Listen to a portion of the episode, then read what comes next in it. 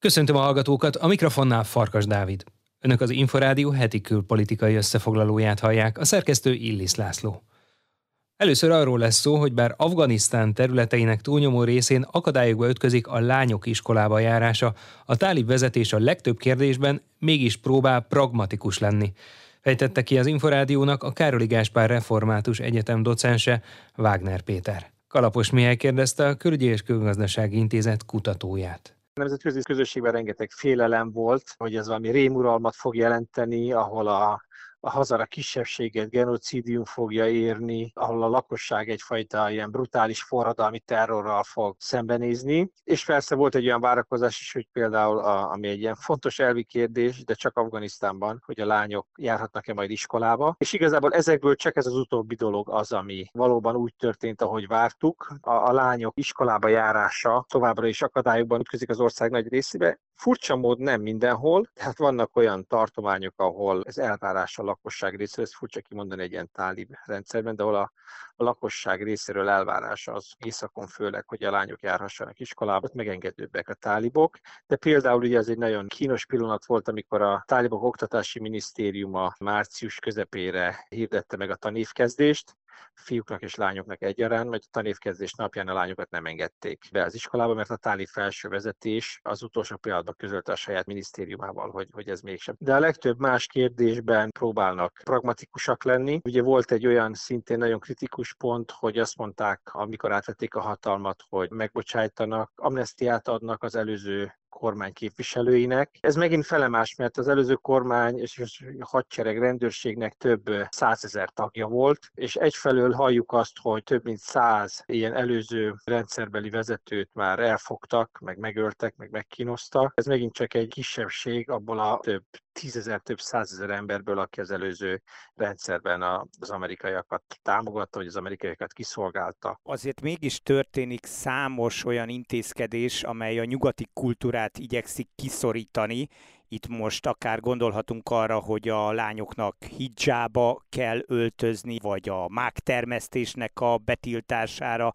vagy akár a hangszerek megsemmisítésére is. Ugye ez nem a nyugati kultúra megsemmisítése, mert a nyugati kultúra nincs Afganisztánban. Ez egy muszlim ország, itt a nyugatnak sose volt jelenléte, vagy ami volt, az a katonákkal érkezett, tehát innentől kezdve az afgán lakosság többsége nem nagyon volt híve ennek. Én még abban is kritikus vagyok, hogy ez a hangszerek megsemmisítése, ez megint egy ilyen általános táli policy, vagy, vagy politikai cél. És talán ez a kulcsa szerintem a tálibok megértésének, hogy van egy tálib vezetés, ami nagyon ügyel arra, hogy ez a hatalmas mozgalom mögötte egységes maradjon. És ezt az egységességet csak úgy tudja fenntartani, hogyha minden egyes tálib parancsnok azt csinálhat, amit akar bizonyos keretek között. Nyilván a tálibok alapelveit nem lehet megkérdőjelezni, de nem is lehet kegyetlenkedni csak úgy kedvére a lakossággal, nem lehet korrupt, akkor a táli felső vezetők leküldenek oda egy egységet és elmozdítják. Akkor a tálibok vezette Afganisztán nem visszalépés a korábbiakhoz képest mondjuk az emberi jogok tekintetében? Ez egy nagyon nehéz kérdés. Abból a szempontból visszalépés, hogy a tálibok semmilyen olyan nemzetközi jogi elvet nem vallanak magukénak, mint amilyet a nyugati ország, vagy az előző afgán kormány. A valóságban viszont az afgán kormánynak a hatalma csak papíron létezett, akik tábornokok voltak, meg rendőrök voltak, azok hadurak voltak, és ugyanúgy megtettek bármit az emberekkel, meg megtettek bármit a lakossággal. Ha nem tettek meg, az azért volt, mert tudták, hogy akkor kirúgják őket a rendőrségről, meg elmozdítják őket, meg az amerikaiak elkezdenek vizsgálódni velük. Tehát papíron most sokkal rosszabb a helyzet. Van egy világbanki kimutatás hogy most annak ellenére, hogy a tálibok nem mindenhol engedik az oktatást, sokkal több lány jár iskolába, mert sokkal jobb a biztonsági helyzet, mert a haduraktól, az emberrablóktól, bűnszervezetektől nem kell tartani az embereknek. Két képviselői szavazat hiányzott ahhoz, hogy Robert Ficot, Szlovákia korábbi miniszterelnökét, jelenlegi ellenzéki képviselőt kiadja a szlovák parlament a rendőrségnek, és ezáltal előzetes letartóztatásba kerüljön. A Smer elnökét egyebek mellett bűnszervezet létrehozásával gyanúsítják. A parlament szerdán este azonban úgy döntött, hogy nem szűkíti a mentelmi jogát, így továbbra is szabad lábon védekezhet. Kis Balázs tudósít Pozsonyból. 74 képviselő támogatta, 49 ellenezte, 19 tartózkodott, 8 pedig nem szavazott a 150 tagú szlovák törvényhozásban az utóbbi hetek legizgalmasabb kérdéséről, mégpedig arról, hogy megvonja-e a parlament Robert Fico mentelmi jogát, s ezáltal lehetővé tegye, hogy az ex-kormányfőt bilincsbe verve elvigye a rendőrség. A parlament végül két szavazat híján szerda este elutasította a legfőbb ügyészség kérését, a képviselők nem járultak hozzá Robert Fico előzetes letartóztatásához. Fico ellen a rendőrség indított büntetőeljárást, bűnszervezet létrehozásával, támogatásával, hivatali jogkörrel való visszaéléssel, valamint kereskedelmi, bank, postai, távközlési és adótitok veszélyeztetésének folytatólagos elkövetésével gyanúsítják.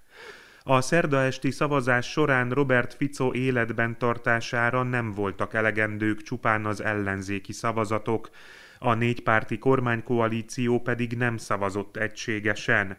Az SAS frakció és a Zalugyi képviselői mind igennel voksoltak, az Merodina képviselői viszont tartózkodtak. A legnagyobb meglepetést azonban az Olano szolgáltatta, amely mozgalom képviselőinek többsége Fico kiadatása mellett voksolt, ám egy képviselőjük nem szavazott, egy pedig tartózkodott. Épp ez a két szavazat hiányzott az ex-kormányfő letartóztatásához. A két olanos képviselőt, Katarina Hatrákovát és Romana Tabákot rögtön a szavazás után kizárták a mozgalom frakciójából. Mihály Sipos, a mozgalom frakcióvezetője indoklásképp elmondta, az Olano 50 képviselőjéből ketten elárulták az Olano szavazóit azzal, hogy nem engedtek utat az igazságszolgáltatásnak. Zradili drvivú väčšinu voličov hnutia Olano. Igor Matovics az Olano vezetője, aki a 2020-as parlamenti választásokon aratott győzelmét annak köszönheti, hogy ígéretet tett az ország korrupciótól való megtisztítására, az igazságszolgáltatás hatalmas vereségeként könyvelte el a szavazás eredményét.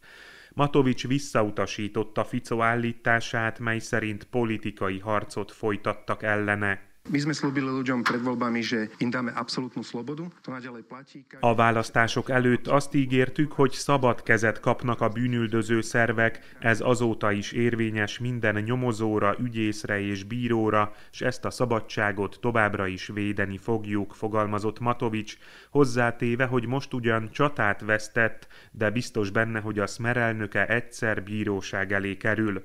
Richard Sulik, Matovics koalíciós partnere, az SAS párt elnöke a szavazás eredményét Igor Matovics egész politikai karrierje legnagyobb vereségeként könyvelte el. Úgy fogalmazott, nem csak kedvenc koalíciós partnere az Merodina mért rá vereséget azzal, hogy tartózkodott, hanem két saját képviselője is. Soha többet nem beszélhetnek a korrupció elleni harcról, szögezte le Szulik. Robert Fico a szerdai szavazás után megkönnyebbülve köszönetet mondott minden képviselőnek, aki nem támogatta az ügyészség kérését, és nem szavazta meg, hogy előzetes letartóztatásba helyezéséről dönthessen a bíróság. Köszönöm minden képviselőnek, aki támogatott, és tiszteletben tartom a többiek véleményét is, jelentette ki Fico. Az ellene indított büntetőeljárásról továbbra is azt állítja, hogy politikai eljárás zajlik ellene. Kis Balázs, Inforádió, Pozsony nagy-Britanniában nyomozás indult, amiért csúcs technológiának számító brit komponenseket találtak Ukrajnában hátrahagyott orosz katonai eszközökben. Ez egyrészt megerősíti, hogy Vladimir Putyin hadserege függ a nyugati alkatrészektől, másrésztől viszont kínos a nyugatiaknak. Svetnik Endre összeállítása. Boris Johnson-t éjjenezték a parlamentben, ha nem is a britben, de az ukrán rádában, ahol nemzeti hősként tartják számon, Kiev melletti határozott kiállásáért.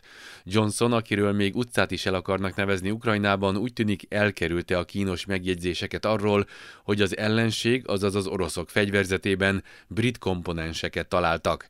Nagy-Britanniában a hírre vizsgálatot jelentett be a kormány. A kiváltók a hátrahagyott orosz fegyverzetből arra gyanakszanak, hogy az nagyban függ a nyugati alkatrészektől. A Telegráf című lap példaként hozza fel a véletlenül a brit miniszterelnök keresztnevét tartalmazó Boris Oblebs 2 mobil zavaróállomást. Ebben az orosz eszközben brit, amerikai, dél-koreai, tajvani és holland alkatrészek találhatók. Olyan országok gyártóitól, amelyeknek kormányai csatlakoztak a Moszkva elleni kemény szankciókhoz. A brit alkatrészek között magas frekvenciás tranzisztorok, polgári és katonai célra használható elektronikai komponensek voltak. A britek most azt vizsgálják, hogyan kerülhettek ezek az oroszokhoz. Bizonyára még a mostani invázió előtt. Ugyanakkor Nagy-Britannia már a Krim 2014-es elcsatolása után azonnal fegyverszállítási embargót vetett ki Oroszországra. Nagy-Britanniája az egyik legszigorúbb és legátláthatóbb exportkontroll rezsim a világon, közölte a Nemzetközi Kereskedelmi Minisztérium. A szabályozás értelmében tilos a polgári és katonai célokra felhasználható brit technológiák oroszországi exportja. A Telegraf szerint nincs olyan feltételezés, hogy a brit cégek tudatosan sértettek volna szankciót.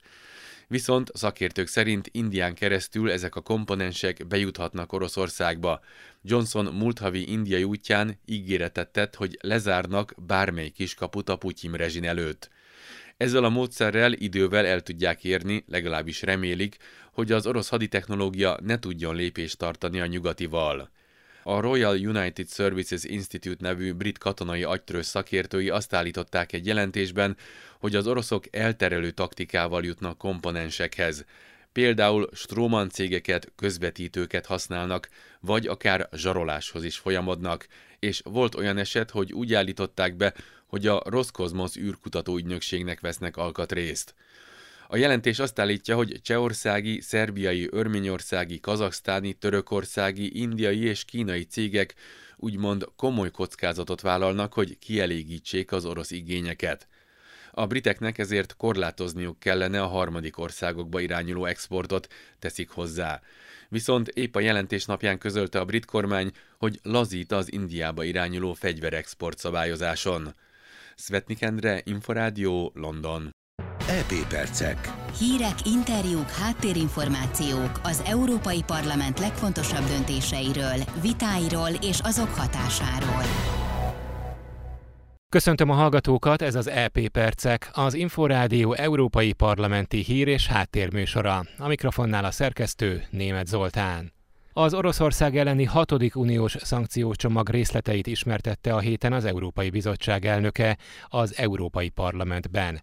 Varga Mónika mondja el a részleteket. Ursula von der Leyen azt mondta, olyan magasrangú katonatisztek kerülnek uniós megszorító intézkedések hatája alá, akik háborús bűnöket követtek el Bucsában, vagy felelősek Mariupol ostromáért. Az EU emellett az Sberbankot és két másik orosz nagybankot is kizárna a SWIFT néven ismert globális elektronikus fizetési rendszerből. Megtiltanák három nagy orosz állami műsorszolgáltató uniós műsorszórását minden platformon. Emellett Moszkva nem vehetné igénybe többi uniós könyvelők és tanácsadók szolgáltatását. A legfontosabb szankció azonban az orosz kőolajra vonatkozik. A tervek szerint az EU-ban fél éven belül leállítanák az orosz olaj vásárlását, mondta Ursula von der Leyen. Ez teljes exporttilalmat jelent majd az orosz olajra, a tengeri és csővezetékes, a nyers és finomított olajra egyaránt. Gondoskodni fogunk arról, hogy az orosz olajat rendezett módon fokozatosan vonjuk ki, úgy, hogy magunknak és partnereinknek is alternatív ellátási útvonalakat biztosíthassunk, és a lehető legkisebbre csökkentsük a globális piacokra gyakorolt hatását, mondta a bizottság elnöke. Szlovákia már jelezte, hogy mentességet kér az olajra vonatkozó intézkedések alól, de a magyar kormány is többször közölte, hogy az energiaellátásra vonatkozó szankciók az országnak vörös vonalat jelentenek. Sajtóhírek szerint a két ország mentességet kapna az orosz olajembargó alól. A bizottság elnöke azonban erről nem beszélt parlamenti felszólalásában. Mindössze arra utalt, hogy az orosz olaj kivonása nem lesz egyszerű. And let's be clear, it will not be easy. Legyünk őszinték, nem lesz könnyű, mert néhány tagállam erősen függ az orosz olajtól, de meg kell tennünk ezt a lépést, hangsúlyozta Ursula von der Leyen. A hét elején a magyar és a lengyel jogállamiság helyzetéről vitáztak az Európai Parlamentben. Az Európai Bizottság számos olyan aggodalmat oszt a magyar jogállamisággal összefüggésben, amelyet az EP is megfogalmazott korábban, mondta az Európai Parlament plenáris ülésén az igazságügyért felelős biztos. Didier Reinders emlékeztetett arra, hogy múlt év decemberében már végeztek egy állapotfelmérést Magyarországon. A tagállami kormányokat tömörítő uniós tanács május 23-án tartja negyedik meghallgatását a magyar jogállamiságról. Múlt héten levélben tájékoztatták a magyar kormányt a jogállamisághoz kötődő mechanizmus elindításáról, ugyanis úgy ítélik meg, a korrupció olyan szinten van Magyarországon, amely már sérti az unió pénzügyi érdekeit. Az eljárás alapja a magyar közbeszerzési rendszert jellemző rendszer szintű hiányosságok tartós megléte, egy átfogó korrupció ellenes keret hiánya és súlyosbító tényezőként a nyomozati és válthatósági tevékenység függetlenségének korlátai. Ez az értesítés az első lépés ahhoz, hogy elinduljon egy konzultáció a jelzett problémákról. Két hónapja van Magyarországnak arra, hogy ezekre válaszoljon, tette hozzá Didier Reinders. Az EP csütörtökön elfogadott állásfoglalásában felszólította az Európai Unió tanácsát és az Európai Bizottságot, hogy tegyen többet az uniós értékek magyarországi és lengyelországi romlása ellen, valamint arra, hogy ne hagyja jóvá a koronavírus járvány utáni helyreállítást segítő alap forrásainak lehívását lehetővé tévő nemzeti terveiket, amíg nincs javulása jogállamiság helyzetének terén. A Fidesz képviselői elutasították a dokumentumot.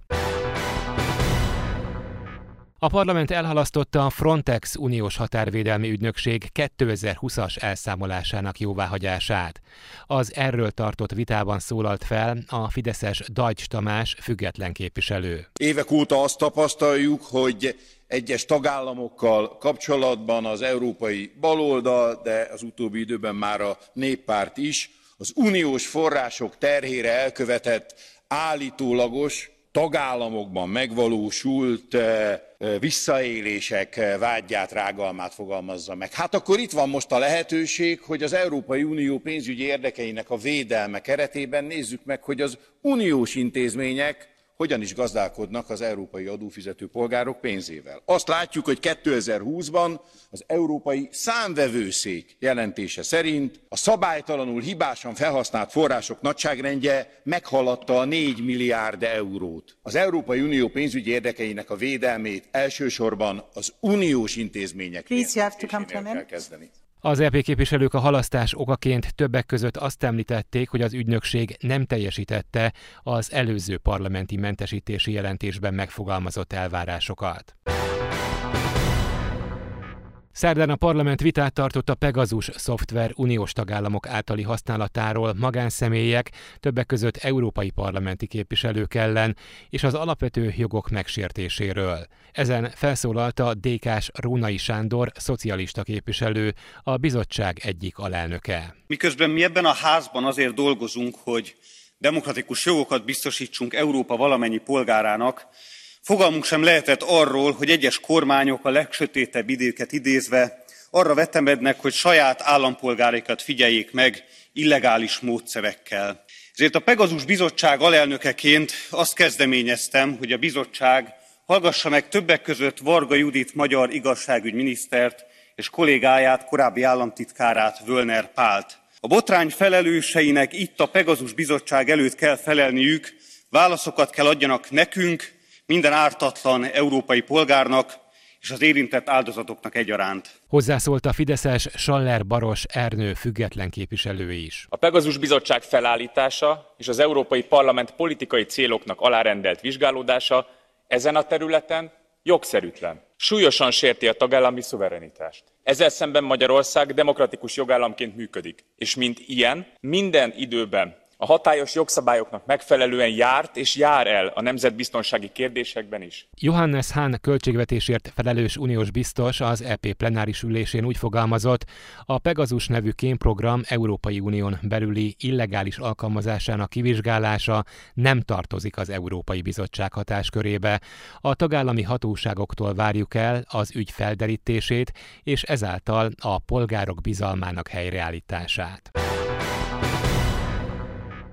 Ez volt az EP Percek, műsorunk meghallgatható és letölthető a Szolgáltatók podcast csatornáin, valamint az infostart.hu internetes portál podcastok felületéről. Az EP Perceket hallották. Az Egyesült Államokban 26 szövetségi állam törölheti el a nők abortuszjogát, miután kiszivárgott a legfelsőbb bíróság állásfoglalása, amely szerint a művi terhesség megszakítás az egész országban érvényes alkotmányos jog. A hírre több nagyvárosban tüntetések indultak meg. Svetnik Endre összeállítása.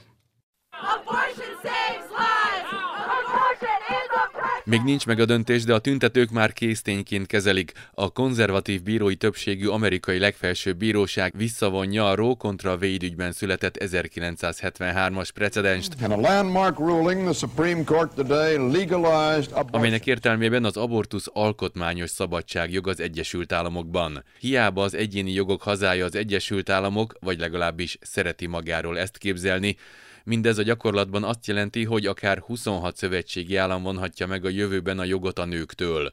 Az abortuszjog nem csak az Egyesült Államokban, de különösen ott a múltban erőszakos szembenálláshoz is vezetett az úgynevezett pro-life életpárti és a nők saját döntési joga mellett kampányolók között.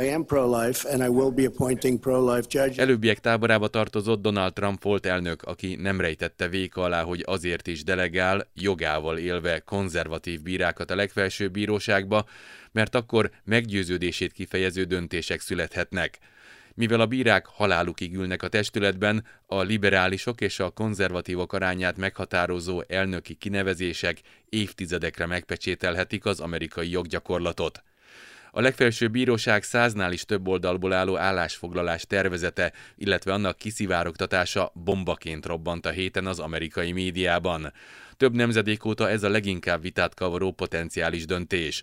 A terhesség megszakítást ellenző államok várható tilalmai arra kényszeríthetik az amerikai nők ezreit, hogy más államokba vagy akár külföldre utazzanak drága költségen a műtétért.